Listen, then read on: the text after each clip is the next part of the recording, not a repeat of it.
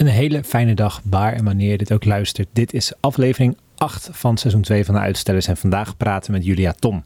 Zij is filmproducer en kan je alles uitleggen over hoe je een film maakt en wat er allemaal bij komt kijken. Even een kleine disclaimer. We hebben dit opgenomen lang voordat de hele chaos rondom corona uitbrak. Uh, wij zijn allemaal veilig thuis op afstand. Uh, maar we willen jullie wel laten meegenieten van dit gave gesprek met Julia. Uh, wij hebben er heel veel van geleerd. Het was ook een heel erg lange aflevering, zoals je zult merken. Maar uh, wat ons betreft zeker de moeite waard. Uh, blijf lekker zitten tot het einde. Je hebt nu ook genoeg tijd voor. Veel plezier met aflevering 8. En uh, als je zelf nog dan iets leuks cadeau wil doen, kijk dan even op gerardstreet.nl. Want zij hebben hele fijne koptelefoons die nu misschien extra fijn zijn als je meer thuis moet werken. Houd het even in de gaten, want binnenkort komt er ook een noise cancelling versie uit. Heel veel plezier met aflevering 8.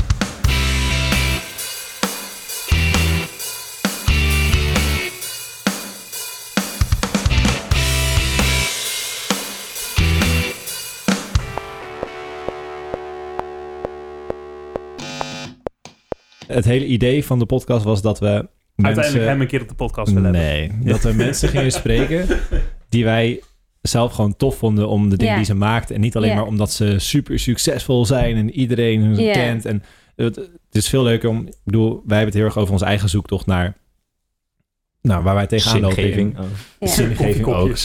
nee, maar ook. Ook heel erg het stuk van... Oké, okay, we willen graag dingen maken... maar dat lukt helemaal niet altijd zoals we dat zouden willen waar zitten we dat in en hoe gaan andere ja. mensen daarmee om? In plaats ja. van, en als je dan alleen maar gaat kijken naar mensen die voor je gevoel daar staan. Ja. Uh, niet dat jij dat niet staat, Julia, maar, maar dan, uh, dan, dan kun je al heel snel zo'n soort van celebrity-achtige verhouding krijgen. En dat is juist niet wat, wat leuk is. En dat is ook niet waardoor je uh, de beste verhalen ja, over krijgt. Plus, sowieso is het niet dat je een mega groot platform moet hebben om heel interessant te zijn. Exact. Nee, bedoel, juist vaak de, de, meest interessante mensen die de meest onorthodoxe dingen doen, ja. dat zijn ook de verhalen die je nooit hoort. Ja. En om die nou een soort van wel weer aan het licht te brengen, dat is juist ja, weer Het is wel herkenbaar, want ik ben nu met een film bezig waar wij eigenlijk verschillende uh, vrouwen volgen in de wereld, in hun carrière. En we hebben eigenlijk gezegd, we willen gewoon een normale vrouwen. Want hmm. ik, ik ben het een beetje zat om naar films te kijken van uh, vij, de vijf top CEO, vrouwelijke CEO's. Dan denk ik, ja, maar ik, daar herken ik mezelf helemaal niet in. En de meeste vrouwen herkennen zich daar mm.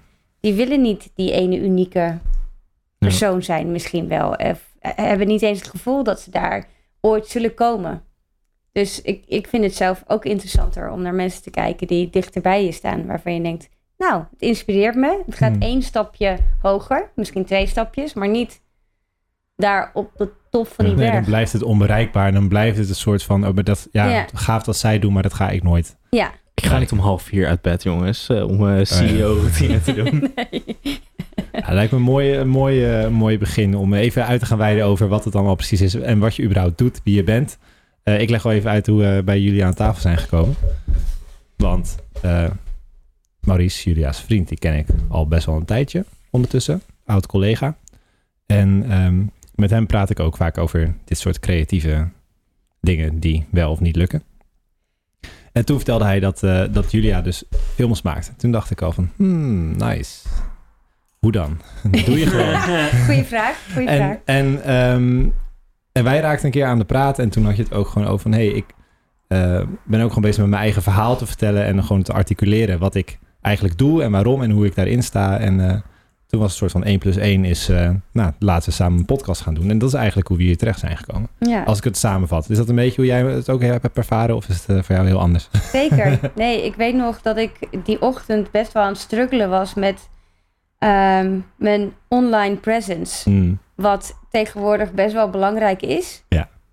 Maar ik me echt... Waarom kijken er ineens twee mensen naar mij? maar ik voel me daar echt totaal niet comfortabel mee. Ja. Uh, ik vind het, het voelt voor mij als een soort uh, opscheppen, wat het helemaal niet is natuurlijk, in veel gevallen. Maar gewoon delen wat je doet, wat ook, waar ook veel mensen inspiratie uit halen en zo. Dus het hoeft niet altijd opscheppen te zijn. Mm. Maar ik, uh, ja, ik vind het gewoon kut eigenlijk. Ja. dat hele social media gedoe. Ik, heb, ik, ik ben nu vier jaar geleden voor mezelf begonnen. En ik heb zelfs geroepen van ik word de eerste producent zonder social media. Mm. Ja, uh, Mag je schelden in het programma? Je hebt het al gedaan, dus maakt niet uit. het is alleen maar een vrije brief voor ons om het ook te doen. Kijk, eh, mij, mij kon, gaat er niet zo natuurlijk af, maar uh, Erwin wel, dus... Uh, nee, maar zo... Ik kan... ik vind social media best wel... Nou, we hebben daar natuurlijk heel gesprek over gehad die ochtend, maar ja. voor mij is het best wel... Oké, ik heb er niet zo heel veel moeite mee, maar ik kan me heel... Juist ook, misschien omdat ik niet echt heel erg toffe dingen maak nog, die die kwetsbaar zijn om met de buitenwereld te delen. Dat zou ook gewoon. Ik weet niet precies waar het hem in zit, maar ik merk wel dat vooral de mensen die gewoon echt helemaal in hun vak zitten en die gewoon graag mooie dingen maken, dat die het moeilijkst vinden om daarover te praten. Omdat die liefst weer dat hun werk voor zich spreekt. Of hè, ik weet niet, het kan van allerlei redenen hebben. Dus ik ben wel benieuwd hoe dat dan bijvoorbeeld voor jou is. En eh, we, ik weet niet, het is twee maanden geleden dat we dat gesprek een beetje hadden en hoe je daar nu in staat. En, eh, Nou, het is wel grappig dat je dat zegt. Want ik, ik eh, uiteindelijk heb ik wel besloten om iets te gaan doen. Dus ik heb nu Instagram en LinkedIn. Daar voel ik me redelijk content mee. hm. Maar mijn posts en zo, dat, dat zijn wel allemaal gestylized dingen. Dus ik maak ze gewoon zelf in Illustrator en Photoshop. En eh, ja, gewoon maar random dingen posten. Daar, ik moet een soort houvast Hmm. hebben. En elke week maar ja, kies ik een thema. En daar creëer ik dan drie posts over. En het liefst eh, doe ik dat nog zelfs de week ervoor. Zodat ik er niet meer over na hoef te denken en dat het gewoon klaar staat. Dat is dus eigenlijk hoe ik het nu een beetje oplos. Maar het is- En hoe bevalt dat? Nou, ik merk wel dat het steeds leuker wordt Hm. eigenlijk om dat te doen. Eh, maar alsnog, ik moet er heel erg over nadenken. En wat is dan een leuke copy? En ja, daar ben jij natuurlijk wel veel briljanter in om, om dat soort dingen Dank. gewoon makkelijk op te schrijven. Maar ik vind dat echt, ja, ik, ik vind het echt heel moeilijk. Hm. Ja, ik ga liever een gesprek aan. Zo ontstond het eigenlijk. Ja, hè? Nou weet ik het weer. Ik, ga, ik praat liever met mensen. Ik ontmoet liever. Ik eh, gewoon koffie met ze drinken. Kijken wat doe jij, wat doe ik. Kijken of, nou ja, er hoeft op dat moment niet eens wat uit te komen, maar misschien later. Ja. Ehm, dus praten is meer wat voor mij. Dus ik zei inderdaad van, Hmm. ik denk dat podcast het dichtst bij mij Ja. ligt. Dat is best wel grappig, want zeg maar, ik, ik heb zelf niet heel veel probleem met dingen te posten als ik het idee heb dat ik iets te zeggen heb in elk geval. En als ik dan een paar foto's heb gemaakt, zoals afgelopen zaterdag, dan spam ik iedereen meteen mee vol. Daar voel ik niet heel veel gêne bij, maar ik voel me wel het meest op mijn plek en het meest mezelf in een gesprek. Dus voor mij was podcast ook een heel goed excuus om gewoon met interessante mensen om tafel te gaan zitten en over dingen te praten waar je misschien in een normaal gesprek niet meteen op uitkomt. Ja. En dat is eh, iets wat ik wel heel erg vet vind. En eh, nou ja, we doen het nog steeds. Ja. Er zijn eigenlijk altijd twee vragen die we, die we stellen aan mensen, of die ik meestal stel dan. En eh, die heb ik nog niet gesteld vandaag. En, Nou, eh, Ruben, laat ons niet langer in Ja, spanning. ik, ik, alsjeblieft. ik voel hem aankomen. En wat als zijn vaste dat dan? luisteraar. J- Julia heeft zich helemaal voorbereid hiervoor. Nee. Oké. Want dat, een echte introductie die, die mag niet ontbreken. Dus wie ben je? Wat doe je? Waarom ben je er ooit mee begonnen? Dat zijn eigenlijk al drie vragen. En waarom doe je het nog steeds? Dus waarom ben je hier ooit mee begonnen en waarom doe je het nog steeds? zijn een soort van de twee hoofdthema's in eh, wat wij graag bespreken. En eh, ik ben benieuwd wat je daarover te vertellen hebt. Laten we maar Ehm, beginnen met wie je bent. Ja, Dat- heb ik mijn naam al gezegd? Nee, we hebben een paar keer Julia, Julia gezegd, maar... eh, Ik, eh, ik ben Julia Ton en ik ben filmproducent. Ehm, ehm, en waarom ben ik ooit film... Ik ben eh, pro- producent geworden. Ik ben geen filmfreak, to be honest. Ik ben niet iemand die vroeger altijd films keek. Ik ben eh, eigenlijk tijdens mijn studie... heb ik die briljante studie gedaan bij in Holland. Media Entertainment Management mhm. die toen ook in die tijd eh, heel slecht werd beoordeeld en dat je zo wat je diploma kon kopen. Dus dat ging lekker. Achteraf werden er nog eh, cursussen aangeboden en zo. Dat was ook echt niet te doen hoe slecht die was. Ehm, die Leuk, heb ik, ik zat gedaan. om de hoek. ja, Rotterdam. Of zit je in Haarlem? Ik zat in Haarlem. Oh ja, nou, ik, ik heb die in Rotterdam gedaan. Ah, oké. En ik heb mijn eh derde jaar stage bij RTV Utrecht gelopen.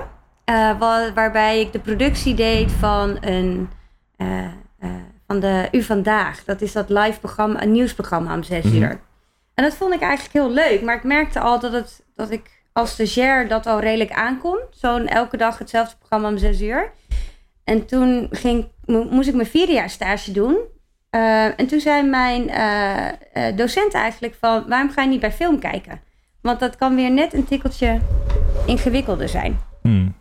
Ehm, en toen zijn we een lijst met uh, filmproducenten gaan uitdraaien. Ik had echt geen idee, ik kende helemaal niemand. Ik heb ook helemaal geen familie in de filmindustrie, echt niks noppes nada. En ik, ben, ik heb gewoon uh, open sollicitatie geschreven.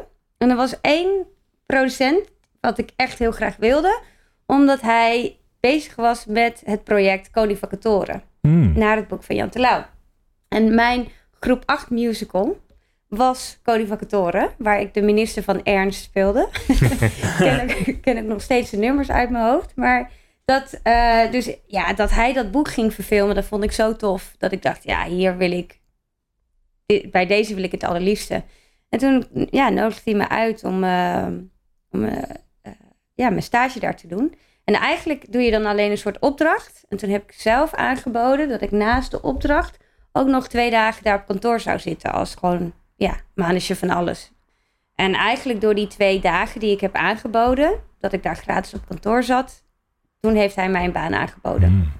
Ehm, en toen ben ik daar acht jaar gebleven. Wauw.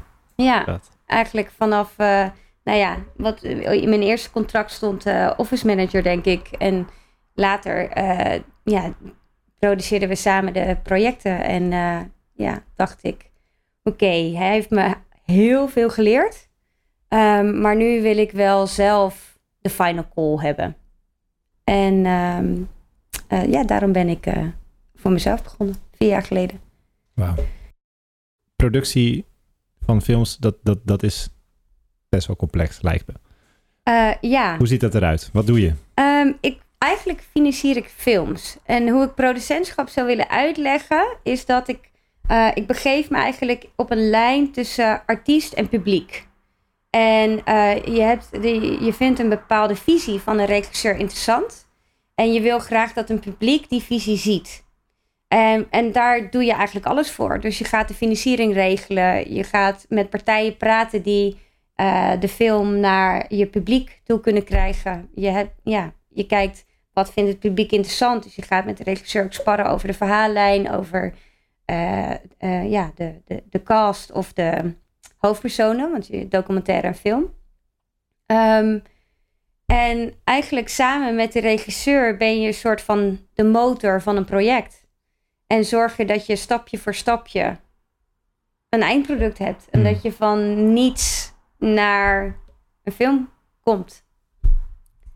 Maar ja, er sla ik natuurlijk heel veel stappen over. Als je er, ik, ik zit erin. Nee, maar, maar dat, is logisch. Maar dat, hoeft ook niet uh, helemaal gedetailleerd te zijn. Maar we hebben ook wel wat luisteraars die überhaupt weinig kaas van uh, dingen hebben gegeten. Nog, nog nooit een film hebben gezien. Ja, of gemaakt. nee, maar zeg maar, de, wat, wat, heb je, wat, wat zijn soort van de basisingrediënten die je nodig hebt? Behalve uh, een regisseur, filmcamera's, acteurs en iets van een script. Om tot zoiets te komen. Wat, wat komt er allemaal bij kijken? Nou, ik denk dat ik mij het meeste bezighoud met geld hmm. ook. Uh, om financiering aan te vragen. Dus ik ben ook heel veel fondsen aan het aanschrijven. Uh, met omroepen aan het praten. Met distributeurs aan het praten. Um, ik denk, ik hoop dat de, de, filmindustrie heeft nog, is best wel ouderwets, vind ik. En um, ik, ik hoop dat er een tijd aanbreekt dat we ook gaan kijken naar nieuwe mogelijkheden om te financieren. Dat doe ik zelf wel, maar dat gaat allemaal heel langzaam. Um, dus ja, je bent eigenlijk aan het kijken van uh, wat heb ik nodig om het verhaal te vertellen. Um, uh, je maakt een budget, je, je, maakt een financieringsplan daarbij. Um, en dan ga je eigenlijk al die partijen en, uh, en die bouwstenen, die ga je opbouwen. Ik, ik vind dat misschien wel een interessante vraag om dan even tussendoor te gooien. Maar wat zie jij als een low-budget film? Ik bedoel, want tegenwoordig denk ik als de meeste mensen aan films denken, gaan ze toch naar Dingen zoals uh, Marvel's The Avengers, waar honderden miljoenen dollars in omgaan. Ja. Uh, maar dat is eigenlijk zo'n klein stukje van de, uh, zo'n klein aantal van de films die er jaarlijks geproduceerd worden. Ja. en nou, toen ik er een soort van een beetje meer in dook en achterkwam wat nou echt als low budget soort van bestempeld wordt. En wat dan niet zeg maar alleen maar met huis- en keukenapparatuur wordt gemaakt. Dacht ik van, oh, oké, dit is nog steeds low budget. Dus ben ik echt wel benieuwd hoe jij als nou ja, executive producer of, of noem het maar. Ja, nou, wat, wat zie je als low budget? Uh, voor, uh, low budget is voor mij, denk ik, um, ja, van, uh, van 5000 tot 100.000. Oké. Dat is denk ik... Sorry. Nee, Maar, nee, ik, maar- moest, eh, nee, ik moest even denken aan... Ik heb eh, eh, twee jaar terug of zo bij een, eh, bij een voorstelronde gezeten... voor mensen die hun project eh, probeerden te pitchen van de HKU Filmacademie. En er was één gozer en die eh, zei... Ja, ik denk dat ik voor eh, dit project wel ongeveer ehm 35.000 euro budget heb. En dat is echt een hele zaal zo dat je dat hoorde. Weet je Ja. wel? Ja, Nou, zeker, maar 35 euro bij elkaar verzamelen is al één niet niks. Dus, en daar kan je ook een heleboel voor doen. Wat ik, ehm, ik, begin morgen met een, een, een crowdfunding. Want dat is weer, heb ik nog niet eerder gedaan. En daardoor heb, moet ik ook heel veel social media doen en zo. En dat vind ik ook heel spannend, want het is iets totaal nieuws. Ehm, maar ehm, dat doe ik ook echt omdat ik vind dat iedereen die er tijd in steekt om zo'n film te maken ook allemaal betaald moeten worden. Hmm. Want de films die er op dit moment gemaakt worden, is voornamelijk nog door heel veel mensen die het kunnen veroorloven om gratis eh, allemaal dingen te doen. Hmm. Ehm, en daardoor krijgen ook heel veel mensen niet de kans om daar toe te treden. ja. Ehm, dus ik ga nu crowdfunden, zodat iedereen gewoon betaald wordt. Omdat ons businessmodel van onze filmindustrie zo ja, slecht is. Het is best wel eigenlijk. gek, ja. De, de me- de meeste ondernemingen die zouden überhaupt niet eens van de grond komen als dit de manier was waarop ze zouden moeten starten. Dat je, dat je Nee. uit principe of uit gewoonte bijna eerst moet gaan kijken naar toevallige gulle geldschieters die even wat hebben liggen. Ja, Eh, het is ook niet iets wat je in het klein kan maken en opnieuw steeds kan maken, waardoor je het steeds Nee. opnieuw kunt verkopen. Het is één groot, mega Ja. groot ding wat je moet zien te maken. ja, elke Hmm. film is een prototype. Ja. Nee, ja, en dan moet je dus elke keer je prototype gefinancierd krijgen. En daar word je... eigenlijk soms denk ik, wat, is, wat een gekke werk eigenlijk wat we met z'n allen aan het doen zijn. En iedereen wil het. Maar ja, ik doe het ook. Omdat het zo leuk ja, is. ja, nee, maar dit is natuurlijk een probleem waar je heel erg tegenaan loopt. En dit is ook een van de redenen waarom eh, Ruben en ik toen eh, onze, onze stichting zijn gestart. Gewoon omdat wij ehm, het eigenlijk heel raar vinden dat eh, muzikanten die in een studioproject mee willen draaien, dat die dat vaak ook gewoon gratis doen. Ja, je, Ja. ja. dat zijn gewoon Ja. mensen die, die werken ook gewoon voor hun, voor hun brood. ja, Die krijgen sowieso over het algemeen, in mijn optiek dan, er veel te weinig voor betaald. En Ja. dan gaan dat soort klussen ook nog even gratis tussendoor. Het is Ja. echt te gek voor woorden. ja, ja, zeker weten. Maar ja, we, we doen het natuurlijk allemaal. We werken er allemaal mee. En dat is Hmm. natuurlijk het lastige. Ja, en eh, ik vind het wel leuk om een beetje verder te onderzoeken waar het hem dan in zit. Want het kan ook mensen ervan weerhouden om hier echt vol voor te gaan. Omdat ze gewoon weten dat er financieel geen toekomst of zo in zit. Zeker, zeker. En wat, wat we daar, daar dan aan kunnen doen. Zoiets als crowdfunding is, is super tof. Omdat je mensen erin betrekt. Maar tegelijkertijd zijn, nou, als je je eigen netwerk betrekt, zijn niet, zeker als je in de filmwereld zit, dan zijn het ook niet per se de meest vermogende mensen. Nee, maar Eh. crowdfunding gaat ook niet een structureel probleem oplossen. Nee, daarom. Nee, nee, absoluut niet. Nee. Ik hoop eigenlijk eh, dat. ehm, oh, hoe heet het nou ook weer? Oh, mm, niet Bitcoin, maar Blockchain. ja. Dat daarmee het verdienmodel iets transparanter wordt. En Ja. hoe iedereen. eh, Ja, want er wordt er het nogal wat van afgesnoept voordat je je medewerkers kan betalen, denk ik. Nou ja, dat is zo'n hele waterfall, noem je dat dan. Van geld dat binnenkomt via de bioscopen. En dan krijgt de bioscopen natuurlijk een deel. En een deel gaat naar de distributeur. Maar in de filmindustrie zijn er zoveel tussenpersonen die allemaal wat krijgen. Ja. Dat er heel weinig eigenlijk teruggaat naar de producent en regisseur. Ja. Die er toch het meeste bloed, zweet en tranen in hebben zitten. Ja. En er zijn echt heel weinig, ook Nederlandse films, die echt geld terugverdienen. En daarom wil je als producent en regisseur hou je je geld eigenlijk uit je budget. En re- reken je niet op enige toekomstige gelden om daar ooit eens wat terug van Ja. te zien. Ja, interessant voorbeeld daarvan. En dat is dan niet in Nederland, maar dat was van nou, The Joker. Die, die film die eh, heeft een paar Oscars gepakt en al. Eh, maar wel een verhaal toen wat een beetje de ronde ging doen. Dus dat de regisseur daarvan expres totaal geen uitbetaling eh, of salaris daaraan overhield. Maar in zijn contract had laten opstellen van ik wil, van was het 10% of zo van de, eh, van de echte de profits. Wilde, Mhm. die, die kreeg hij dan. Ehm, nou ja, aanvankelijk was dat... From the top of... Eh, de- de- denk het, ik hoop het. Ja. ja. Maar in ieder geval, point being, eh, dat, eh, dat het best wel een soort van ja, riskante zet was. Omdat er heel veel eh, gedoe rondom die film van tevoren kwam. En mensen vroegen zich af, moet die wel gescreend worden? Is het niet te, te extreem en whatever? Ja, uiteindelijk heeft die film zoveel geld opgebracht dat hij gewoon tientallen miljoenen eraan heeft Eh, heb overgehouden. je een interview met hem gelezen of zo daarover? Eh, ik, ik had een artikel erover gelezen op een. eh, ik weet even niet meer waar ik hem voorbij zien komen. Link, ik, link in show notes, denk ik. Als ik hem nog kan vinden. Want, want dit ik, was ik in denk oktober. eigenlijk wel dat dat voor hem ja, een soort gecalculeerde zet was. Ik denk het ook. Hij, hij had het namelijk ook al eerder gedaan met... eh, hij had ook de Hangover-series geproduceerd. Oh, dat ja. heeft hij ook Oh. gedaan. ja. Dus hij wist er al van. Maar vooral Ja. voor de buitenwereld was het heel erg van...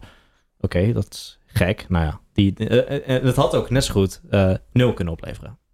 Maar zo'n negatieve Ja. hype creëren rondom zo'n zo'n film is natuurlijk uiteindelijk een hele goede vorm van Tuurlijk. publiciteit. Want iedereen vindt het leuk om een rampverhaal te horen. ja, en Joan Phoenix ook. Ja, ja. Ja, zit, die mensen hebben natuurlijk al iets aan eigen vermogen... waardoor ze dit veel makkelijker Dat kunnen dragen. Ja. Ja, hij kan het ook zeggen. Van ik neem Ja. het risico. Ja. Want hij weet, dat is natuurlijk een beetje van... eh, als je geld hebt, dan kan je het meer, kan je het meer maken. Ja. Ja. Dus- sowieso.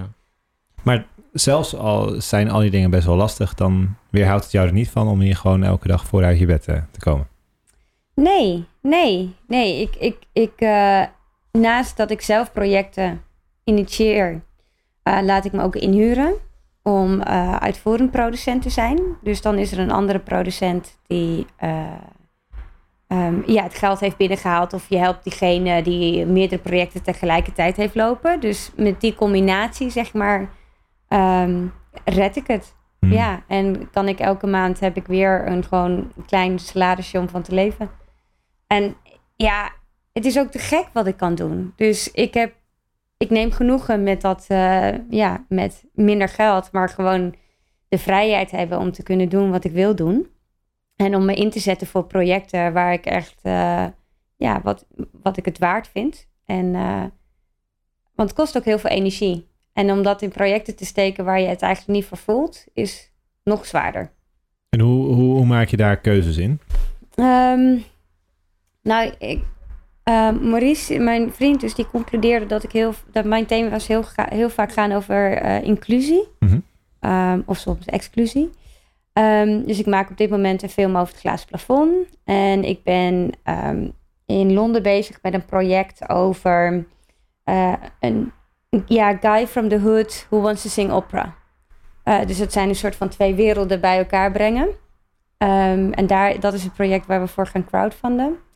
En ik ben nog met een, eh, een- ik zou nog heel graag met een Turkse regisseur. daar hebben we een tijdje zijn we aan het sparren over eigenlijk over het kapitalisme en de invloed op eh, de natuur. Ehm, dus dat zou ik ook nog graag willen doen. Ja, dus het, zi- het zijn gewoon van die ja, thema's, grotere thema's.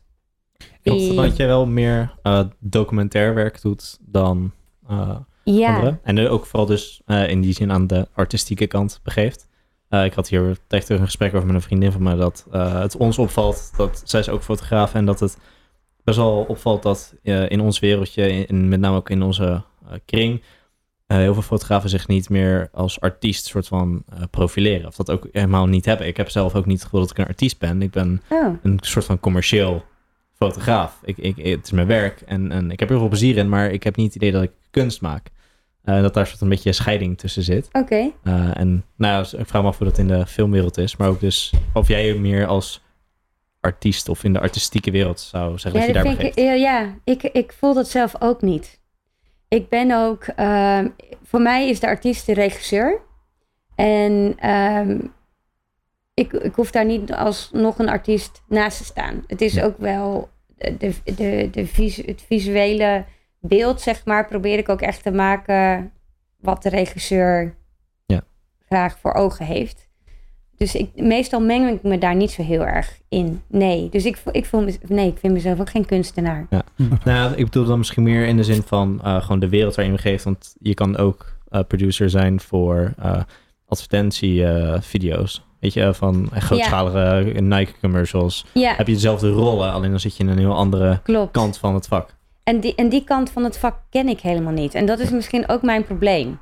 Omdat ik, ehm, ik, bege- ik begeef me dus ook heel vaak in de, ja, in de independent Euro- eh, European art house. Sorry voor al die Engelse termen. Wat, maar, We hebben geen belletje meer. Dus, eh,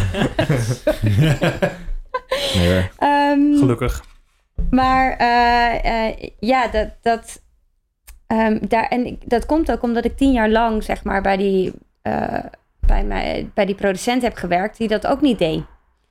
Eh, maar het is eigenlijk heel moeilijk om alleen maar te leven van eh, eh, films en documentaires. Eigenlijk moet je een soort side-tak ernaast hebben om gewoon regelmatig inkomen te hebben. Hmm. Want een filmproject is soms vijf jaar. Ik ben nu ook met het glazen plafond, ben ik, ben ik in totaal denk ik drie, vier, drie, vier jaar mee bezig. Dus je moet een fucking marathon run- runner zijn om, om Ja. dit soort dingen vol te houden. Dus En hoe, hoe werkt het dan? Eh, Want ik ben nog wel benieuwd in het stukje financiering. Doe, krijg je dat dan in fases? Krijg je dan elke keer fondsen binnen zodat je door kunt gaan of zo? Want je, zei, je had het over een prototype dat financier in eerste instantie. Waarmee ga je naar een, een fonds of een financier toe? Wat heb je dan al wel? Ja. ja, meestal begin je eigenlijk met een soort one-pager. Waarin je gewoon de, de, ja, we noemen dat dan een synopsis, één pagina, waarmee je een soort van je verhaallijn opzet. Ehm, en daarmee eh, kan je vaak eerst ontwikkelingsgeld aanvragen. Waarbij zo'n fonds zegt, oké, regisseur, producent, ken ze een beetje wat ze maken. Ehm, eh, verhaallijn ziet er goed uit. Hebben ze de, de juiste ingangen om dat te kunnen maken? Je krijgt een potje om dat te gaan ontwikkelen. Dan moet je komen met je... Nou ja, aan het eind van die route moet je dan gewoon een filmplan of een script hebben. Ehm, en dan met dat product eh, ga je vaak distributeurs benaderen. En dan betrek je partijen eigenlijk die dit wel zou, zouden willen kopen. En als je dan partijen hebt die geïnteresseerd zijn en een script. En dan ga je misschien zachtig, eh, zachtjes aan beginnen met ehm, een soort van... ehm, eh, ja, sommigen noemen het een soort... nog steeds ontwikkeling, maar het kan, je kan het ook een beetje pre- pre-pre-productie noemen. Waarbij je gaat casten en locaties en dat soort dingen. En dan ga je steeds meer dat pakket bouwen. En dan, ja, dan wordt het voor de filmfondsen ook, als je uiteindelijk met een productieaanvraag doet, dan hebben zij een heel duidelijk beeld van wat je wil maken. Tenminste, dat moet je bereiken. Stel je zou in één keer al het geld wat je nodig hebt voor een productie krijgen. Hoe snel zou je dan een film kunnen maken? Ehm, nou, een speelfilm is meestal ongeveer eh vier tot zes weken draaien. Soms wel meer. Dan heb ik het gewoon over een, een drama zonder hele rare visuele- Special effects, special effects, visual effects. Wat je, Ehm Koning van Katoren hebben we bijvoorbeeld in zeven weken wel gedraaid. Er zat ook wel wat visual effects in. Maar ja, maar je, je, eh, het aantal draaidagen dat je hebt, daarvoor heb je eh, ongeveer hetzelfde aantal preproductiedagen. Eh, en dan ben je best wel intensief bezig als team. En eh, de producent en de uitvoerende producent zijn daarvoor nog, ook nog bezig. Eh, en dan moet je nog de postproductie mont- monteren. Dus ja, ik zou zeggen... Je doet het heel snel als je een speelfilm kan maken binnen negen maanden. Zonder, Precies. zonder script schrijven. Zonder script schrijven. Ik wilde net zeggen, nou, dat ze ervan uitgaan dat je al een script hebt liggen. Ja, Dan kun je ja. inderdaad lekker van slag, maar zo niet, Ja. dan... Ja, absoluut. Want dat is denk ik ook zo'n ding. Het, het, in dat opzicht is het produceren, het maken van een film is quote-unquote niet zoveel werk. Ehm, maar het stukje waar soort van je, je creativiteit überhaupt eh, vandaan komt en waar het überhaupt moet beginnen, dat bij een verhaal, het moet misschien eh, dat één iemand geïnspireerd is en een idee heeft. En dat idee omzetten tot een eindproduct. ja, ja. Nou ja, dat kan ook tien jaar duren. Ik bedoel, je hoort vaak genoeg dat van regisseurs zeiden van... eh, ja, ik liep al tien jaar met dat, eh, met dat verhaal in mijn hoofd rond. En ik heb het toen, eh, over die, al die tijd heen, heb ik het uitgewerkt. En toen, nou ja, wat was die laatste van Quentin Tarantino? was ook zo'n ding. Liep hij al een decennium mee rond en heeft hem eindelijk gemaakt. Ja, ja. Ja, Hm. ik, ik begrijp het wel dat het zoveel Ja. tijd kost. Want Ja. ik heb het ook. Het gaat, en de tijd gaat zo hard. En dan heb je eindelijk je hele boel bij elkaar. Ehm, en dan eh, valt... Want de financieringen die ik opzet zijn vaak nog uit meerdere partijen. En dan valt er opeens één weg. Ehm, wat voor reden dan ook. Ja, dan kan je weer soms helemaal opnieuw beginnen. Hm. Om- het- ja, het is gewoon echt super irritant. Ja. Hoeveel macht hebben die mensen die, eh, die financiers? eh, Laat voor even zo'n- namen noemen. Nee. Ja. Nee, ja, nee, er hoeft verder geen naam te noemen. Nee, ik, kan, ik, kan op zich wel, eh, ik kan op zich wel één, eh, één voorbeeld noemen. Ik heb pas een documentaire gekeken dat ging over ehm, eh, Britse jeugdculturen. eh, in zeg maar ja, de jaren 60 tot en met eh, de jaren 90. En dat was gefinancierd door een, door een merk van sportshirts. En er werd echt gewoon heel, heel duidelijk tussen alle interviews door. Werd er gewoon even gekut. En gingen de mensen die werden geïnterviewd over die, die subculturen. Die gingen dan even praten over hoe fantastisch die shirts van dat Oh. ene merk wel niet waren. Weet je wel? Product placement. Ah, Ja. Wauw. Maar dan slecht. Ja, waar, Ja, waar ja. heb je deze documentaire gezien? Eh, ja, voor de universiteit was dat. De, link komt vast wel in de show notes als ik hem nog kan Ja. vinden. Oké. Als Julia nu wil kijken, hè, dan... eh, Ja. Nee, maar bijvoorbeeld een, een NPO zou dat niet toelaten. Nee. Dat, daar zijn gewoon protocollen voor, dat mag niet. En eh, daar zijn ze ook echt mee bezig, dat je ervoor zorgt dat je, dat je onafhankelijk bent. En dat is dus ook het lastige, want aan de ene kant is in de corporate world is het, is de, zit het geld. Hm. Maar ga je geld van die partijen aannemen om je film te financieren? Dat, wat willen ze daarvoor terug? Maar kun je- kan je echt onafhankelijk blijven en echt de film maken die je wil blijven maken? Daar moet je uiteindelijk naartoe. Eh, want je wil ook niet anders. Je wil echt niet eh, al die eh, energie en dan heb je een financier die misschien 10% van je financiering doet, die dan zegt: Ja, maar ik wil wel deze zin erin. ja, dag. Ja, ik zou dat niet accepteren. Nee. Nee. dat zou ik niet doen. Gewoon, gewoon ergens in de aftiteling nog even... Maar eh, ja, hoe, hoeveel macht hebben ze? Ja, waarschijnlijk is het, is, het, bij- is het bij hen zo gegaan dat ze hebben gezegd van wij, wij willen het geld geven, maar op deze voorwaarden. Ja, en als je dan tekent, dan hebben zij die macht, ja. Want als je het niet doet, is het contractbreuk. Dat zou ik ook niet doen. Grappig. Ik zat net heel erg te denken wat, of het ook een voordeel kan zijn dat je in die verschillende fases moet werken. Hoe irritant het ook is.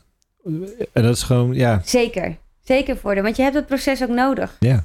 Eh, eh, ehm, soms komen juist ook door een laag budget te hebben of zo. Of, eh, daar komen hele creatieve ideeën van. Je wordt eigenlijk, als je al het geld van de wereld hebt, word je eigenlijk heel eh, lui. En dan denk je, nou gaan we alles maar regelen. De toffe ideeën komen eigenlijk van, ja, eh, we hebben ehm, eh, twee draaidagen nog maar over. En, en daarbinnen moet het plaatsvinden. En eh, hoe gaan we dit oplossen? Ja, dat zijn de, vaak de leuke creatieve sessies die je dan hebt met elkaar. Heb je daar leuke voorbeelden van? Die mag Nee. delen. Oh, en wat dan wel uitgekomen is, dat we kunnen controleren of het klopt. Nou ja, ik heb ook een, eh, een, een film gemaakt met ehm, een regisseur en die heet Peter Greenaway. Ik weet niet of jullie dat, dat wat zegt. Die man was eigenlijk... Ja, ik omschrijf hem altijd voor de nieuwe generatie, de Wes Anderson van de jaren 80 en 90 Mhm. in Europa. En ehm, de films, het, geld dat we fin- gefinancierd kregen, was echt veel minder eigenlijk dan als je zijn script las. Dat script was zo rijk, maar je, je had eigenlijk het geld kreeg je niet voor elkaar om dat zo te maken. Ehm, dus wat er dan, ja, wel eens. hij, hij heeft zelf ook daardoor een soort van eh, briljante manier ook gevonden om eh, gewoon in de edit, ja, een soort van ehm, extra scherm eronder te plakken. Soort van, hij, hij, hij deed gewoon splitscreens, waarmee hij toch een soort van creatief beeld kon creëren om het helemaal vol te maken. Maar terwijl eigenlijk als je het, uh, het originele beeld zag, was dat uh, ja, een soort van stellage zag je allemaal nog staan. En die, die- ja, dan dacht je echt, de halve decor zie je nog, weet je wel. maar hij plakte dat dan op zo'n manier aan elkaar, dat dat ehm, toch het creatieve beeld gaf wat hij wilde creëren. Gaaf. Ehm, maar dit is dan ook een regisseur die dat ook echt kan. Die daar, en ook... eh, uit- uit- ja, Daar staat helemaal geen judgment in. nee, ja, ja, nee, Ja, hij kan het wel. Nee, maar ik bedoel meer van... Die, die vond het niet erg om een speelfilm te maken... waarbij schermen gewoon aan elkaar geplakt waren. Hmm. Hm. Er zijn ook heel veel mensen die dat niet willen doen. Omdat zij een andere statement willen maken. Dus ja, dat begrijp ik dan ook wel. Ik zat toevallig ehm, vandaag eh, op, op de website van Netflix. Die hebben een hele lijst met eh, eisen waar je aan moet voldoen als productie. En dan tot op welke camera je mag gebruiken en welke niet. Ja. Ehm, en dan ging het bijvoorbeeld ook over de aspect ratios. En daarvan dat alles moet worden geschoten op 16 bij 9. Ja. En eh, dan ga ik ook meteen denken van, maar wat als ik het helemaal niet zou willen? Ja. Wat als ik, eh, Ja. ik bedoel, eh, Het is heel erg limiterend. ja, pas was, het is The Lighthouse, een hele film die geschoten was alsof die op films van- of op tv's van de jaren 50 zeg maar afgespeeld moest worden. Ja. Ehm, nou, dat is zeg maar, dan kijk je net niet naar een vierkantje. Maar dat zou dus niet op Netflix mogen. Hmm. Ja. Nou, dan word je Maar dus dat inderdaad is steeds heel erg gelimiteerd in Ja. je... Maar dat is ook helemaal niet waar, want er zit, zijn zat, eh, zat maar classics die op Netflix staan, die wel gewoon in een Ja, maar die waren al geschoten. Ja, dat, Dat, dat Ja. is één. Ja. En het kan ook zomaar zijn dat ze worden aangepast, hè? ja, dat kan. Dat, Maar dat- het zou ook zomaar kunnen dat er gewoon zwarte randen aan de zijkant worden in, eh, ingelast. En dan is het ook 16 bij 9. it works. Creatief, ja. Ja. ja, director's cut of zo kan je het dan noemen. Ja, director's Oh ja. choice. Ja, precies. Wat, ehm, eh, want je bent natuurlijk nu met een aantal projecten bezig. eh, dat, dat, project, ik ben ook wel benieuwd naar hè, zoiets als de, de glass ceiling, zeg maar. Waar, je- hoe, hoe pak je dat aan? Heb jij, heb jij ook een rol gehad in script schrijven? En, en wat is eigenlijk het verhaal wat je wil vertellen met zo'n film? En, en, en hoe heb je, hoe, hoe, ja, waar haken mensen op aan om met financiering te komen? nou in dit geval over het glazen plafond. ehm, ik ken deze regisseur omdat ik ook met haar heb gewerkt bij mijn oude baas. Mhm. Ehm, en zij was eigenlijk van plan, zij is Finse, maar ze woont in Amsterdam. En ze was eigenlijk, wilde ze een verhaal vertellen over Finnen in Europa. En, en of dat, ja, ook al eh, het zijn van een, eh, een immigrant of een expat. Zo eigenlijk niet in de cultuur wonen waar je in bent opgegroeid. En dat ging eh, eigenlijk daarover kijken of ze herkenbaarheid kon vinden bij andere Finse vrouwen in Europa. En toen stuitte ze op een, ar- eh, toen stuitte ze op een artikel die eh, de Glass Ceiling Index van ehm The Economy Magazine Mhm. eh, ja, eigenlijk dat een soort highlighten. En zij stuurde mij dat door, waaruit uit de cijfers toen bleek, wij, wij ontdekten dat denk ik in 2016 of 17. En vanaf 2013 bestaat die lijst. Waarin dus ehm, alle OECD-countries, dus de Industrialized World, Mhm. Eh, worden daarin gereed. Hoe zij scoren op de Glass Ceiling Index. En dat gaat dan over eh, vrouwen in het parlement, vrouwen in senior positions. Ehm, en ze hebben tien punten. En Nederlands is dus een van de slechtste landen in Europa. En ik werk ook veel in Londen en die stond ook zo slecht. Zij is Fins en Finland stond op dat moment op nummer 1. en zij dacht opeens: aha, dit is dus ook waar ik heel veel. Wat ik, wat ik moeilijk vind aan Nederland, is dat ik daar, ja, eh, voelde ik me veel meer gelijk. En toen ik hier in Nederland kwam wonen, ook vanwege liefde en omdat ze zwanger werd, ehm, werd er eigenlijk min of meer wel verwacht dat zij thuis zou blijven bij de kinderen. Mhm. Maar ze dacht, hè, maar ik heb ook gestudeerd, ik heb ook een PhD, ik ben kunstenaar, waarom kan ik niet ook werken, weet je wel? En in Nederland ben je toch wel een soort van slechte moeder nog steeds als je eh, fulltime werkt. Hm. Ehm, nou ja, en die, die, de cijfers, daar was ik zelf zo geschokt over, omdat ik, ik, voel, me, ik voel me niet unequal, zeg Hm. maar. Maar dat we dan zo slecht scoren. Daar, daar- ja, ik was daar gewoon even, helemaal over in shock. En we zaten echt met z'n tweeën van, wat? En toen dachten we, oké, als wij dat niet weten, dan weten waarschijnlijk veel mensen dat niet. Dus, en de statistieken zijn er. En dit was echt, dit was nog een jaar, twee jaar voor, voor heel MeToo. En ja, de tijd heeft ons eigenlijk gewoon ingehaald. Omdat wij heel veel financiers moesten overtuigen dat dit een thema was. Hmm.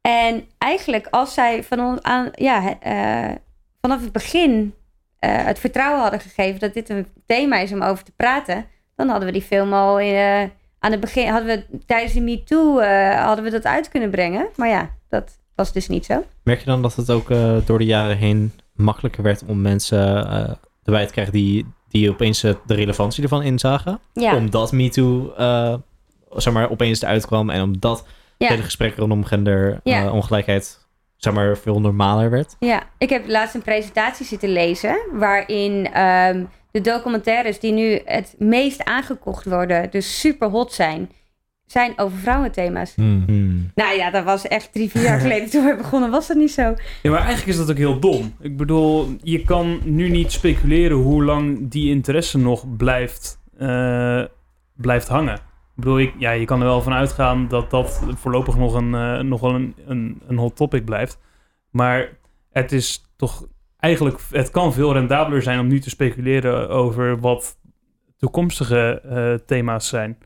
Die, Ja, Ja, die maar zijn. dat is dus het moeilijke, want degene die je films aankopen, denk ik, zijn geen trendwatchers. Nee. Dat zouden ze dus wel moeten zijn. Nee, Dus- ik bedoel, mensen die... eh, dit is heel, ja, dat klinkt misschien heel lullig, maar mensen die nu hebben geïnvesteerd in de film die jij nu aan het maken bent, die eigenlijk te laat uitkomt, die lopen gewoon een heleboel inkomsten mis. Dat is Ja. eigenlijk een domme investering Ja, geweest. ja, maar het is niet te laat. Want het, eh, ehm, vrouwen zijn economisch gezien nog eh, en globaal 200 jaar verwijderd van economische gelijkheid. Nou ja, die 200 jaar, dat eh, redden we wel. en ehm, het eerste land wat waarschijnlijk economische gelijkheid gaat bereiken, dat is ook nog 20, 25 jaar weg. En we zouden eigenlijk nog veel meer moeten leren over het thema. Hmm. En het, eh, dus ehm, ik voel niet dat de film te laat is. Ik bedoel, Nee. het, wa- het was deze week nog een heel item dat Unilever, eh volgens mij was, ja, voor mij is Unilever die voor het eerst eh 50% eh, vrouwen eh, in Ja. topposities heeft. En dat dat ook gewoon echt, echt een ding is. Ja, Dus nou ja, relevant, zeker. ja zeker, absoluut. Ja. En eh, er is ook heel veel aandacht voor. Hmm. Ik, ik vraag me dan eigenlijk eerder vooral af, eh, als ik me soort van probeer te verplaatsen in de gedachte van ja, jullie investeerders, is, was dit verhaal niet, eh, zeg maar, als je zegt, het zijn geen trendwatchers, en dat zouden ze misschien wel moeten zijn, was dit verhaal dan niet goed genoeg toen jullie ermee kwamen? En is het pas toch ergens nadat het trendy werd, soort van eh, Ja, ik denk, interessant geworden? Dus of dat glass ceiling zelfs daarin ook gewoon wij zijn constant lopen wij tegen een glazen plafond aan als we films financieren. Ja. En ik denk dat we nog gelukt hebben in de documentaire wereld, want daar zitten best veel vrouwen. Eh, maar speelfilm, joh, dat is echt. Er is 7% wordt maar geregisseerd door vrouwen van de speelfilm. Dat is echt heel weinig. En je moet eerst al die voorbeelden creëren, wil je daar doorheen breken eigenlijk. Maar wij, eh, wij pitchen altijd met een, eh een, ehm, een discopleister. Die kan je kopen bij een van de ehm drogisterijen in Nederland. En dat, ja, dat is gewoon een discopleister. Die, die doen we op ons voorhoofd dat we ons plafond hebben gestoten. eh, onze hoofd hebben gestoten tegen het plafond. En eh, ja, zo. eh, maar later, eh, de film eh, komt hopelijk ergens rond ja, deze tijd volgend jaar uit. Nice. En dan gaan we nog veel meer dingen doen. Dus ehm, Want waar zitten jullie nu soort van in het proces van de film zelf, als we dat mogen ja, weten? nou, we zijn. eh, we Waar gaan, zitten jullie over een week of vier? ja, eh, eh, we zijn zachtjes aan begonnen met monteren. Oké. Ja, en we hebben financiering uit IJsland. Het IJslandse Filmfonds doet ook mee. Dus we hebben een editor in IJsland. Tof. Die heeft al het materiaal gekregen. En die is nu ehm, zachtjes aan eh, ja, gaan monteren. Gaan Maar- kijken. En, eh, Maar moet je niet als, als producent en regisseur daarbij zijn in die kamer? Is het niet gewoon een heel goed excuus om even naar IJsland te gaan? Aaron die, eh, wil, die wil daar wel weer een documentaire van maken. Oh, want die zeker. wil Ja. heel graag naar IJsland toe. nou, we, hebben de reg- we, hebben, we nemen in het budget mee dat de regisseur daar zeker drie keer naartoe gaat. Ja. Ehm, nou ja, tegenwoordig kan je wel veel oplossen. Ook met over en weer. Dat kon vroeger niet. Eh, Echt, als je nadenkt over hoe ze vroeger films maken met die... Dat, ja, wat is het? Nee, hoe heet dat materiaal? Celluloid, knippen. Ja. Ja. En- dat gewoon aan elkaar plakken. En dan weer en dan aan elkaar. Ja. Om zo'n film te monteren. Nu kan je gewoon digitaal heel makkelijk een knipje zetten. Maar hoe Ja. ze dat vroeger deden. Maar het is natuurlijk ook... eh, dat heeft natuurlijk ook gewoon een stukje te maken met vertrouwen in de mensen die je, die je inhuurt. Ik kan me herinneren dat er, een, eh, dat er een interview was met een van de editors... die heeft meegewerkt aan de Star Wars saga. Die zei van ja, weet je, ik was dan aan het werk, maar in principe deed ik niks. Want die George Lucas die stond altijd achter me en die zei, die zei altijd tegen mij wat ik moest doen. Weet je, ja, dan heb jij eigenlijk, je, dan kan je, dat kan je een stagiair ook laten doen. Hmm. Ja, ja. Nou, we hebben in dit geval hebben we, eh, hebben we van alle interviews die we hebben gedaan en opnames, hebben we transcripties laten maken. Dus we hebben alles op papier. En eh, een regisseur ehm, en eh, iemand anders, bij de oude baas ook, die, ehm, eh, die maken dan een soort van plan voor de editor. Dus ze knippen eigenlijk al een soort van de quote in een bepaalde volgorde. En dat gaat naar eh, de editor en die gaat ermee de slag. Jullie kijken elkaar aan. Ja, er zit hier een, eh een verhaaltje achter. Nee, we hebben vorig jaar eh, samengewerkt aan een, een, een video voor een commerciële klant, dat dan weer wel. Ehm, alleen wij hadden er niet heel erg veel aan pre-production aan gedaan. Ehm, wat erop, eh, of er- ertoe leidde dat eigenlijk op de draaidag zelf eh, er moesten achterkomen wat het verhaal van eh, nou, deze klant eigenlijk was. Dat werkt niet. Eh, dat was in de edit, eh, ja, in de edit corner was dat echt een hel om dat allemaal aan elkaar te proberen te plakken. Dus toen hadden we afgesproken van de volgende keer gaat Ruben op voorbaat een keertje langs. Neemt hij eh, gewoon eh, een eh, voice memo op of zo en, en laat hij gewoon die persoon zijn verhaal vertellen. Dan kan hij eruit kiezen wat daadwerkelijk interessant is om over te praten. En dan kunnen we met dat verhaal nog een keer langskomen en dat filmen en dat tot een interview ombouwen. Ja. Die les hebben wij Ja. eruit geleerd. En dat, eh, dat klonk dus zo herkenbaar toen jij dat net zei. Dat je meteen... eh, Ja, maar Ja. tegelijkertijd, dus met, met, met zo'n podcast net zo, het is ook een soort van spanningsveld van hoe wil je een spontaan moment pakken? Of Ja, wil je het helemaal, eh, nou ja, helemaal scripten, zeg maar? Of wil je echt, ehm, nou, eh, hoeveel controle wil je in zo'n gesprek geven? Zeker als het documentaire stijl is of interviewstijl. Hoe, hoe ver wil je daarin gaan? ja. Hoeveel scripten jullie eigenlijk? Hiervan? Ja. Wij, script, wij, script? Eh, nou, bij ons, is- wij- weten, nou dat is voor, we hebben het, het tweede seizoen onszelf iets makkelijker gemaakt doordat we gasten hebben. oh ja. Dus dan is het heel simpel. De enige leidraad is, is dat wij bepaalde vragen beantwoord willen hebben. Ja. Meestal lukt dat niet. Nee. Maar in het eerste seizoen, toen hebben wij wel per aflevering probeerden een onderwerp vooraf te kiezen. En soms dan lazen we ons ook wel eens een keer in of zo. Maar dat, dat viel wel heel erg mee. Maar script hebben wij nooit gedaan. Oh ja, oké. Hoe, en hoe was dat als luisteraar? Ehm, nee, eh, oh, even, even denken hoor. Het eerste Nee, woord waar ze aan denkt is nee. ik heb het niet zo bewust naar geluisterd eigenlijk. Om daar, dat ik daar nu iets heel eh, op kan zeggen. Het, ik, het voelt niet als scripted. Nee. En het, ik wist inderdaad eh, die twee vragen. Ja. Of die, drie, vier. Ja. Ehm, dat, Door jullie, steeds meer. dat jullie daar altijd mee beginnen. Ja.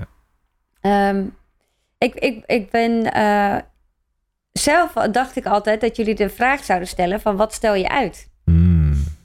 maar die, eh, ik- daar was ik verbaasd over dat Hmm. jullie, die, die, jullie die niet stellen. Ja, nou, dat, zouden- is wel... eh, zo- nou, dan kunnen we nu al gelijk wel even pluggen.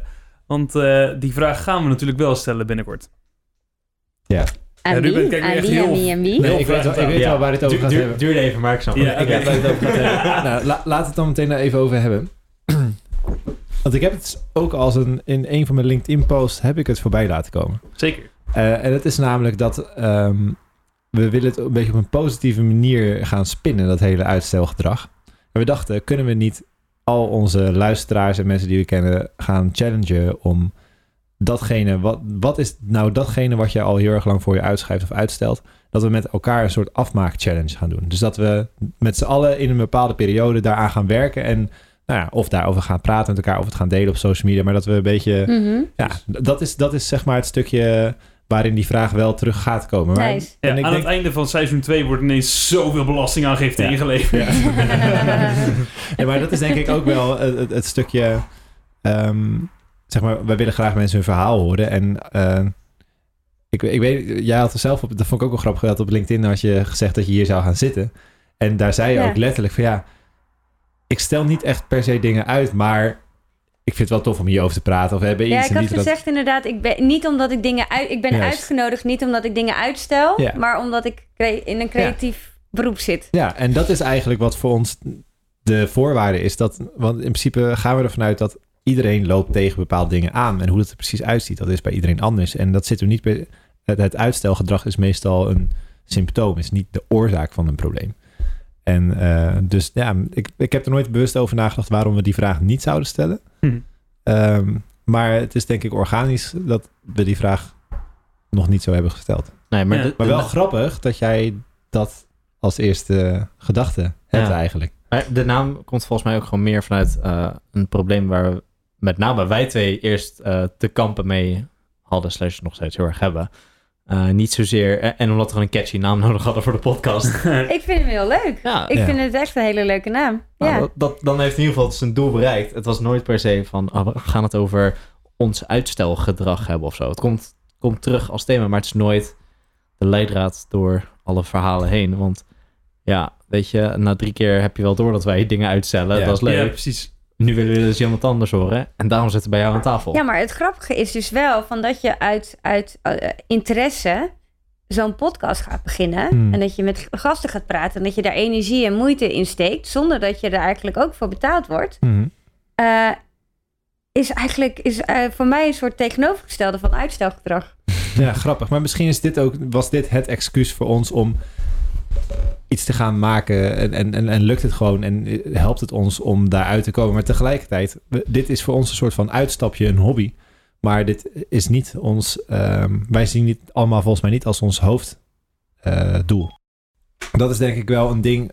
Dit is makkelijker om vol te houden omdat er niet zoveel artistieke eh, druk op zit. Of het eh, niet onze hoofdinkomen Ja, is. Ja. Wa- Waardoor het heel makkelijk is om je energie voor te krijgen en om door Ja. te blijven gaan. Ja. Dus blijkbaar kunnen we het wel. Ja. Ja, Erwin. Oh ja, nee, wat ik, wil, wat ik wilde zeggen. ehm, toen ik aan de podcast begon, toen had ik mezelf ook eigenlijk als doel gesteld van... joh, ik wil gewoon wat, wat eh, handiger, wat sneller worden in, eh, in Pro Tools. Want ik had het toen de tijd wel gedownload en eh, dat stond op mijn computer. En vervolgens als ik dan een, eh, een muziekproject had, dan eh, deed ik alles gewoon lekker in Logic, omdat ik dat gewend was. Mhm. Ehm, en terwijl Pro Tools gewoon echt een, een goede tool is, maar ook gewoon best wel duur. Dus het was ook eigenlijk wel een soort van zonde dat ik dat, dat ik dat had. En ik heb hierin ook gewoon een soort van excuus gevonden om er iedere week mee bezig te zijn. Om er gewoon echt meters in te maken. En ik ben er nu echt, echt een stuk sneller in. Hm. superleuk.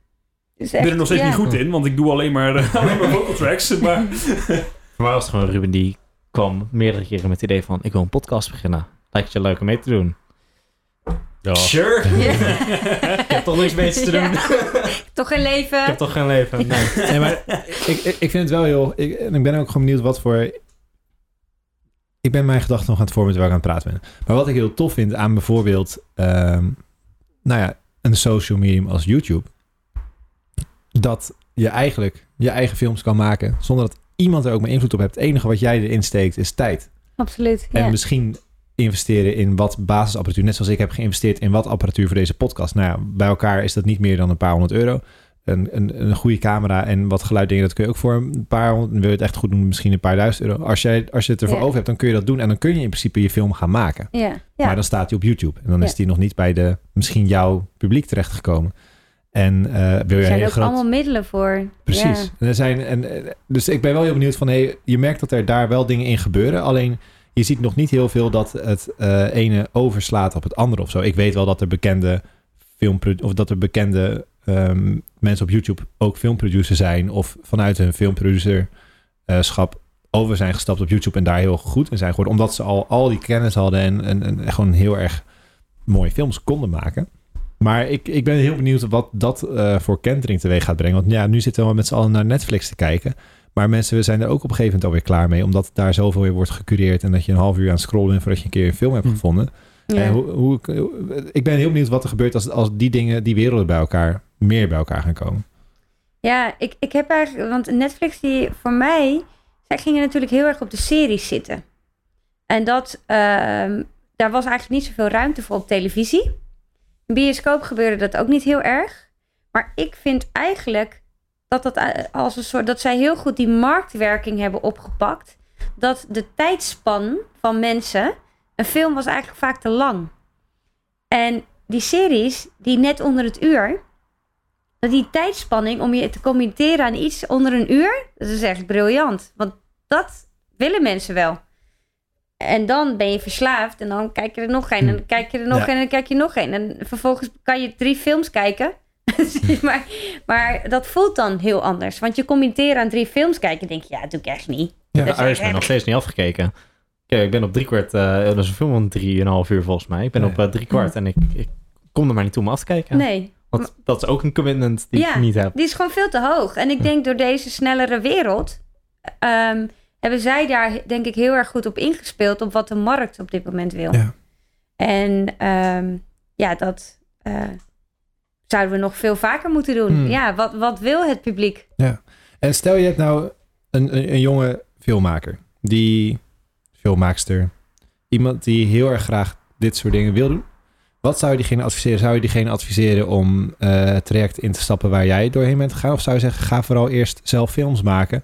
Je hebt eh, de middelen om eh, daarmee te gaan experimenteren en vind eerst je niche. Of eh, wat, wat, wat, zijn, wat, wat zijn concrete dingen die iemand zou kunnen doen met de ervaring en de kennis die je nu hebt? Ja, dat vind ik echt een heel moeilijk advies.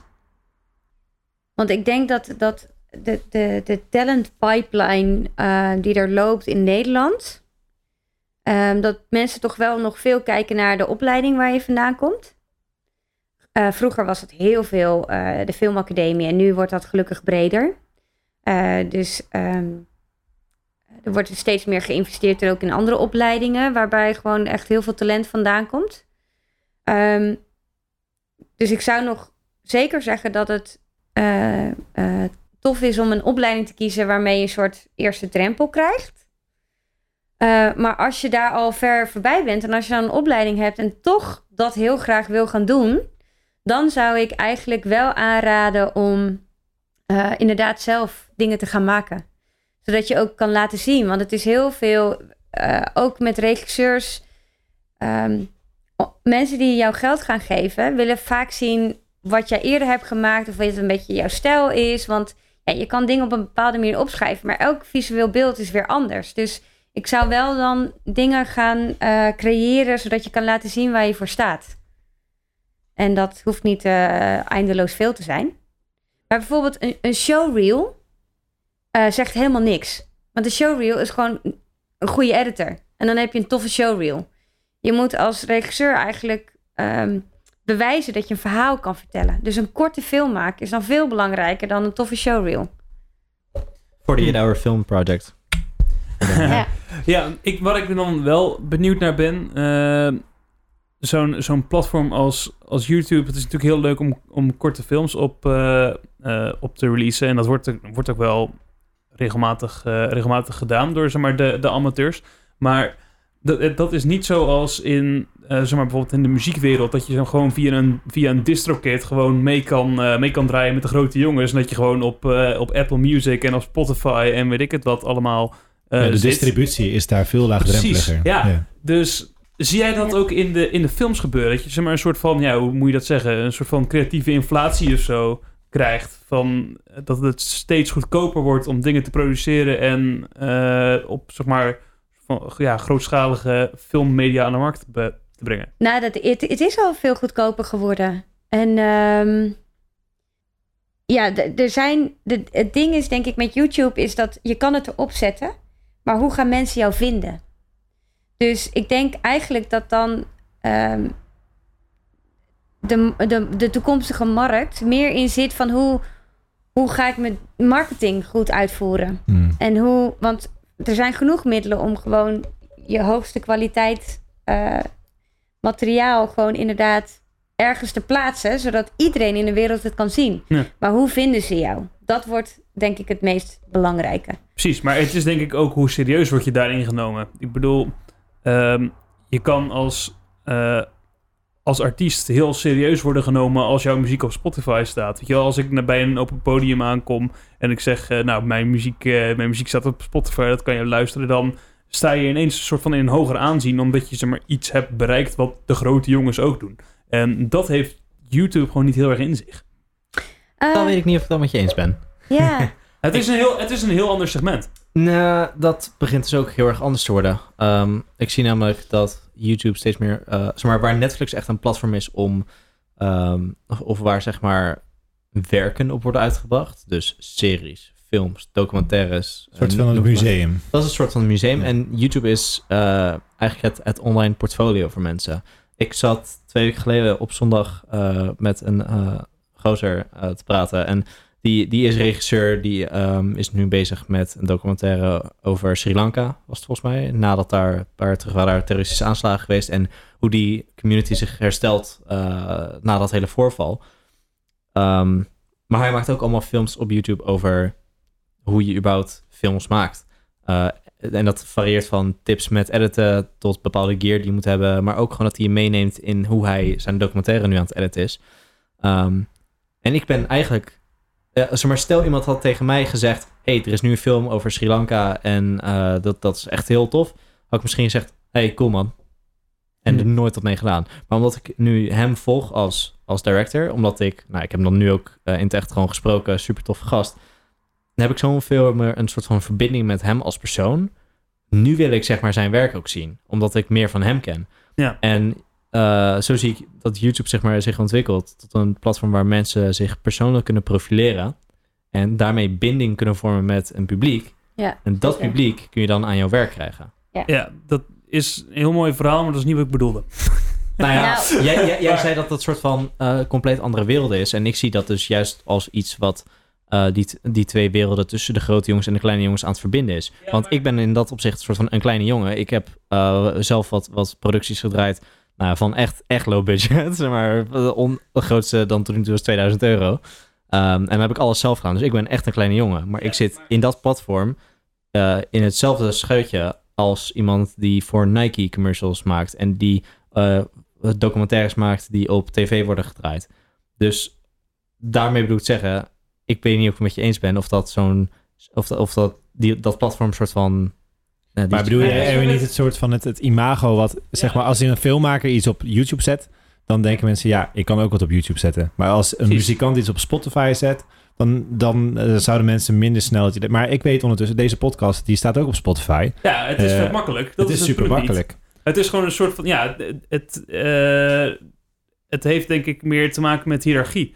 Eh, ik denk dat jij serieus wordt genomen als filmproducent als je zegt dat jouw film in paté draait, dan wanneer je zegt dat jouw nieuwe film op eh, YouTube is uitgekomen. Ik denk Ja. wel dat dat gaat veranderen. Ik denk, Ja, dat denk la- ik ook. laten, we Ja. het, laten we het de geschiedenis uitwijzen. Ik wil eigenlijk nog even, want we zitten al eh, ruim over het uur heen ondertussen. En ik vind het hartstikke gezellig.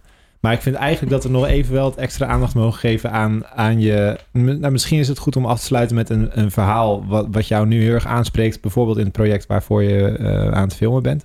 Eh, zodat mensen ook eh, iets weten van... Hey, waarom, waarom moet ik daarnaar gaan kijken? En eh, dat kan zijn het project wat je in... eh, met die gast die operazanger wil worden. Maar het kan ook gewoon het, eh, het, het, het, project over, de, over het glazen plafond zijn. Want misschien, een beetje context. Jij bent de tweede vrouwenstem die je in twee seizoenen horen op, de, op deze podcast. En ehm, ik vind het eigenlijk wel gaaf om juist daar ook nog iets van een... Ja, wat meer tijd aan te besteden. En niet alleen maar erover Vrouwen te zijn ook mensen. Ja, nee, maar ik, ik, ik vind het wel gaaf als, als mensen... Nou, we we weten vanuit de statistieken dat 60% van onze luisteraars in elk geval man is. Dus ik, ben, ik vind Ja. het al heel gaaf dat dat in elk geval niet heel erg ver uit elkaar ligt. Maar dit zijn verhalen die ook hier verteld mogen worden. En eh, misschien is er één ding wat er uitspringt waarvan je denkt van... hé, hey, dit is iets wat, eh, wat ik heel graag wil vertellen. Ehm, nou, een van de leuke, eh, maar dat is meer een statistiek. Mhm. Ehm, in eh, Londen, of in Eng sorry, ik moet het goed zeggen. Eh, in Engeland zijn er meer CEO's die John heten, dan dat er vrouwelijke CEO's zijn. Wauw. Ah, ik vind het echt briljant Ja, dat dat zo echt zo is. ja. Grappig. Het Dus is zo eh, leerzaam om überhaupt te beginnen. want we, we combineren eigenlijk verhalen met statistieken. Eh, het is een, eh, een, eh, ja, een onderzoekende documentaire. In het Engels klinkt dat investigative documentary. Ehm, maar omdat het dan... ehm, dus we onderzoeken echt van wat is het glazen plafond nou? Omdat het een zo complex fenomeen is. Het is niet alleen maar de, de, ehm, de gender wage gap. Van wat we aan salaris anders verdienen. Het zit in heel veel kleine dingen. Ehm, ehm, bij, in, de Franse taal bijvoorbeeld. Als het, eh, je hebt natuurlijk le en la. En je hebt ook eh, le en la. Mijn Franse uitspraak is vrij beperkt. Maar eh, je begrijpt dat het meervoud is. Als een groep, als het, als het een groep vrouwen is met één man, wordt het woord uiteindelijk mannelijk. En die man die bepaalt.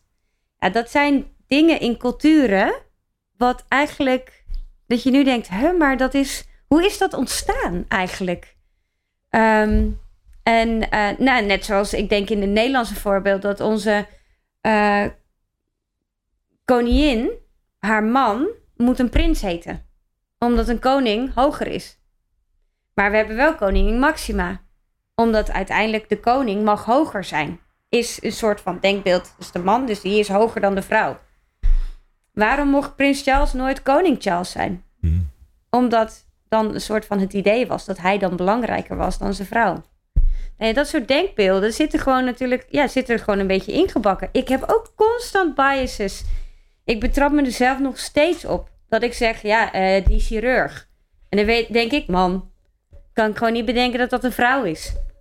Ja, dat, dat, ik, moet, ik moet het er ook uitrammen in mijn eigen systeem, al die dingen. Dus slaat gewoon nergens op.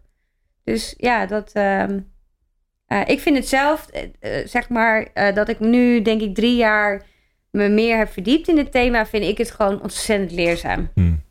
En ehm, ik zou het heel tof vinden als vaders hun dochters gaan meenemen naar deze film. Ehm, die, waarvan vaders het belangrijk vinden dat hun dochter gelijk worden behandeld. En zeggen van, hey, let hierop.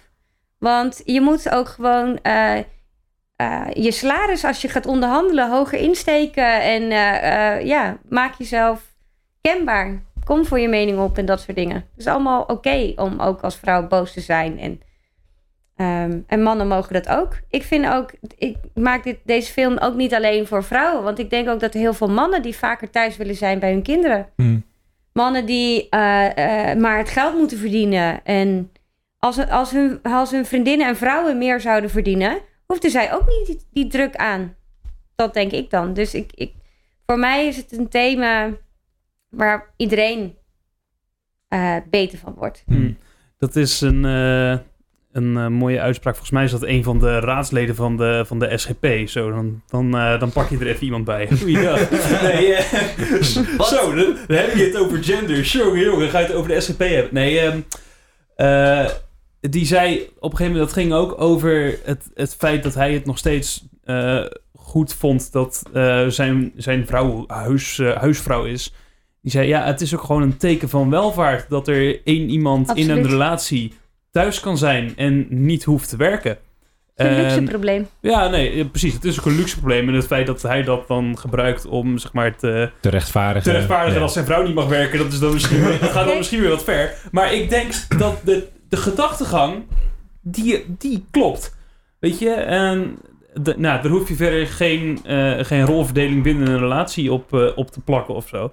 Maar ja, weet je, feit is ook gewoon dat, zeg maar, eh, op dit moment zit ik ook thuis een beetje mijn, mijn geld bij elkaar te, te schrapen, terwijl de een naar de andere klus er doorheen valt. En mijn vriendin, heeft- vriendin heeft wel gewoon een, een goede baan.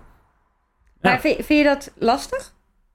Nee, Nee, ik vind dat wel chill. nee maar dat is heel goed. Ja. Want, want er zijn heel veel mannen, mannen die dat wel heel lastig vinden. Ja, nou, een voorbeeld daarvan. Toen ik, eh, toen ik eh, mijn huidige vrouw leerde kennen, toen we nog verkering hadden. Oh. Toen ehm, had zij gewoon... Zij was een af, afstuderende, maar werkte ook en had in principe gewoon genoeg geld. Maar ik stond er per definitie op dat ik voor alles betaalde. Toen kregen we verkering en toen kwam ze erachter dat ik eigenlijk continu rood stond. Ja. En toen zei ze, waarom? Ja. Weet je wel? En ik heb, ik heb echt heel erg daarvan af moeten komen. Want in, toen wij, eh, zeker toen wij trouwden, ik heb toen nog een paar jaar gestudeerd en zij werkte al die tijd gewoon. Ik, we moesten van haar inkomen leven. En ik heb me daar, eh, ik heb er daar echt wel een tijdje voor moeten nemen. Of voordat ik dat oké vond voor mezelf. Omdat ik ook toch mezelf erop betrapte dat ik het idee had dat ik dus. De, en, en volgens mij, als we kijken naar ons salaris, verdient zij nog steeds per saldo meer dan ik. En dat is helemaal fijn en prima. Ja. En, eh, maar ik ja, het feit dat je daar dan toch zo mee kan zitten of zo, dat zegt wel iets. Dat Ja. zegt- en, en ik dacht dat ik heel erg eh, daar open-minded in was. En, eh, en dat, nou, dat ik daar, nou, maar toch, toch op een of andere manier vond ik dat dan erg. En ik ben blij dat het dat nu niet zo is. En Ja. eh, Ja, vrouwen en mannen zijn ook, ik vind ook, we zijn niet, gel- ehm, we zijn gelijkwaardig, maar we zijn niet gelijk. We hebben- biologisch gezien zijn we wel anders. Ja. En ik, er mogen daar best verschillen in zijn. En als uiteindelijk een stel er samen voor kiest dat de een thuis blijft en de ander gaat werken, ja, als dat is wat het beste werkt voor jou, eh, voor jouw gezin, dan moet je dat. Ik ben ook helemaal geen voorstander dat, eh, dat beide ouders bijvoorbeeld fulltime gaan werken. Nee. Dat alles precies gelijk moet zijn. Maar maar het, Het moet wel moet weer niet een keuze je moet- zijn. en je moet niet gestraft worden wanneer je die keuze maakt als vrouw ten opzichte wanneer je die keuze zou maken als man Ja. of, eh, of Ja. wat dan ook. En dat vind ik ook inderdaad van die, van die statistiek van die verhalen die je ziet, dat je gewoon merkt dat op het moment dat vrouwen kinderen krijgen, dan, dan, dan zie je dat overal terugkomen dat ze daarvoor worden gestraft in feite. ja, Ja, dat, Ja. Zijn, dat zijn gewoon heel rare... Maar het is, het is ook één. ehm, je, je mag ook eigenlijk niet gevraagd worden hè, of je zwanger wil Ja. worden of dat je kinderen wil krijgen. En de vrouwen krijgen ook heel vaak de vraag van: Oh, eh, en eh, nu heb je een kind gekregen. Hoe, hoe ga je dat dan doen dan? Ja, weinig mannen krijgen de vraag op hun werk van: Hé, hey, eh, je hebt een zoon of een dochter gekregen. Hoe ga je dat nu indelen met je werk? Ja. Ehm, ja, je bent er. Dat is misschien best wel een goede vraag die aan man is gesteld zou moeten worden. Hoe ga je überhaupt tijd nemen voor je kind nu? Of ga je nu eh die Ja. vrouw al het werk laten opknappen en ga je zeg maar, alleen maar op je werk... Gaan wij jou nu nog meer hier zien? Omdat je opeens voor twee extra monden Ja. Ja, moet Ik kan, Ja. me, ik kan me herinneren dat in, eh, in een van de Scandinavische landen, maar echt, ik zou Misschien was weten wat het is. nee, dat daar eh, mannen evenveel scha- zwangerschapsverlof krijgen als vrouwen. Maar ik vind het belachelijk dat het ze echt sinds 1 januari vorig jaar is dat geloof ik. Hebben mannen nu vijf dagen in plaats van twee dagen. Ze hadden eerst altijd maar twee dagen als je kind wordt En geboren. gelukkig per 1 juli wordt dat vijf weken. Zes weken. En daar heb ik dan weer profijt, Ja. Ja, ja, profijt van. Ja, nee, maar, het, Te gek. En, en, en, maar dat, dat, dat al... En dan nog ben je... Ik bedoel, wij moeten ook dan vooruitkijken van ja... Met heel veel puzzelwerk... En sowieso wil ik minder gaan werken. Maar met heel veel puzzelwerk kunnen wij ervoor zorgen... dat het eerste half jaar er geen opvang nodig is. Ja, ja. Maar dan moet je echt je, je brein overbreken om dat voor elkaar te krijgen. Ja. En dan nog zie je dat het veel makkelijker is voor mij om, eh, om nog een bepaald aantal uur te blijven werken dan voor haar. Ja. Eh, maar dat is. Ja, ik ben heel blij dat wij de, dat, dat hier dingen wel in aan het veranderen zijn. Zeker. Het is echt eh, eh, ja, voor iedereen fijn om gewoon de keuze te hebben. Dat je gewoon ook dat je eh, een soort van kan als man en als vrouw kan bereiken in je werk wat je zou willen bereiken en wat je als ouder eh, zou willen doen en, en hoe je dat ja, om daar gewoon een keuze in te hebben. Ik ben heel benieuwd naar, eh, naar de documentaire. Ik ook. Ergens deze tijd volgend jaar, zei je toch? Ja, Gaat het Ja. met glazen plafond heten of is dat de, de werktitel? het is op dit moment nog de werktitel, ja. En we, we, we struikelen nog vaak over titels dat we denken, oh, misschien dat. Eh, want we willen eigenlijk, ja, we weten het gewoon nog niet. Ja. We willen een uitnodigende titel, een positieve titel. De discopleister. De discopleister, Ik ja. dacht dat precies hetzelfde. Ik denk dat mensen dat toch niet helemaal... Die begrijpen hem denk ik niet. hè? Nee, nee, nee, dat denk ik niet. Nee, maar het is echt, het is een, eh, een eh, ja, heel leerzaam en, en ja, fantastisch proces eigenlijk om eh, veel meer over te horen en ook te maken. Waar eh, kunnen we jou vinden als we daar meer over willen horen? Ehm, ja, mijn eh, het toko die heet Project 1961. Eh, ik ben niet uit 1961. maar, eh, maar ja, op Instagram en een website. Eh, op zijn Engels is het project1961.com. En Ehm, dat rolt zo van de tong af. Ja. ja, ja. nice. ja, ik heb het nu al heel vaak gezegd. Ik vind het makkelijker om het te zeggen in het Engels dan in het Nederlands. Daar heeft Aaron geen last van. Nee, bedankt. Het was eh, een leerzame avond.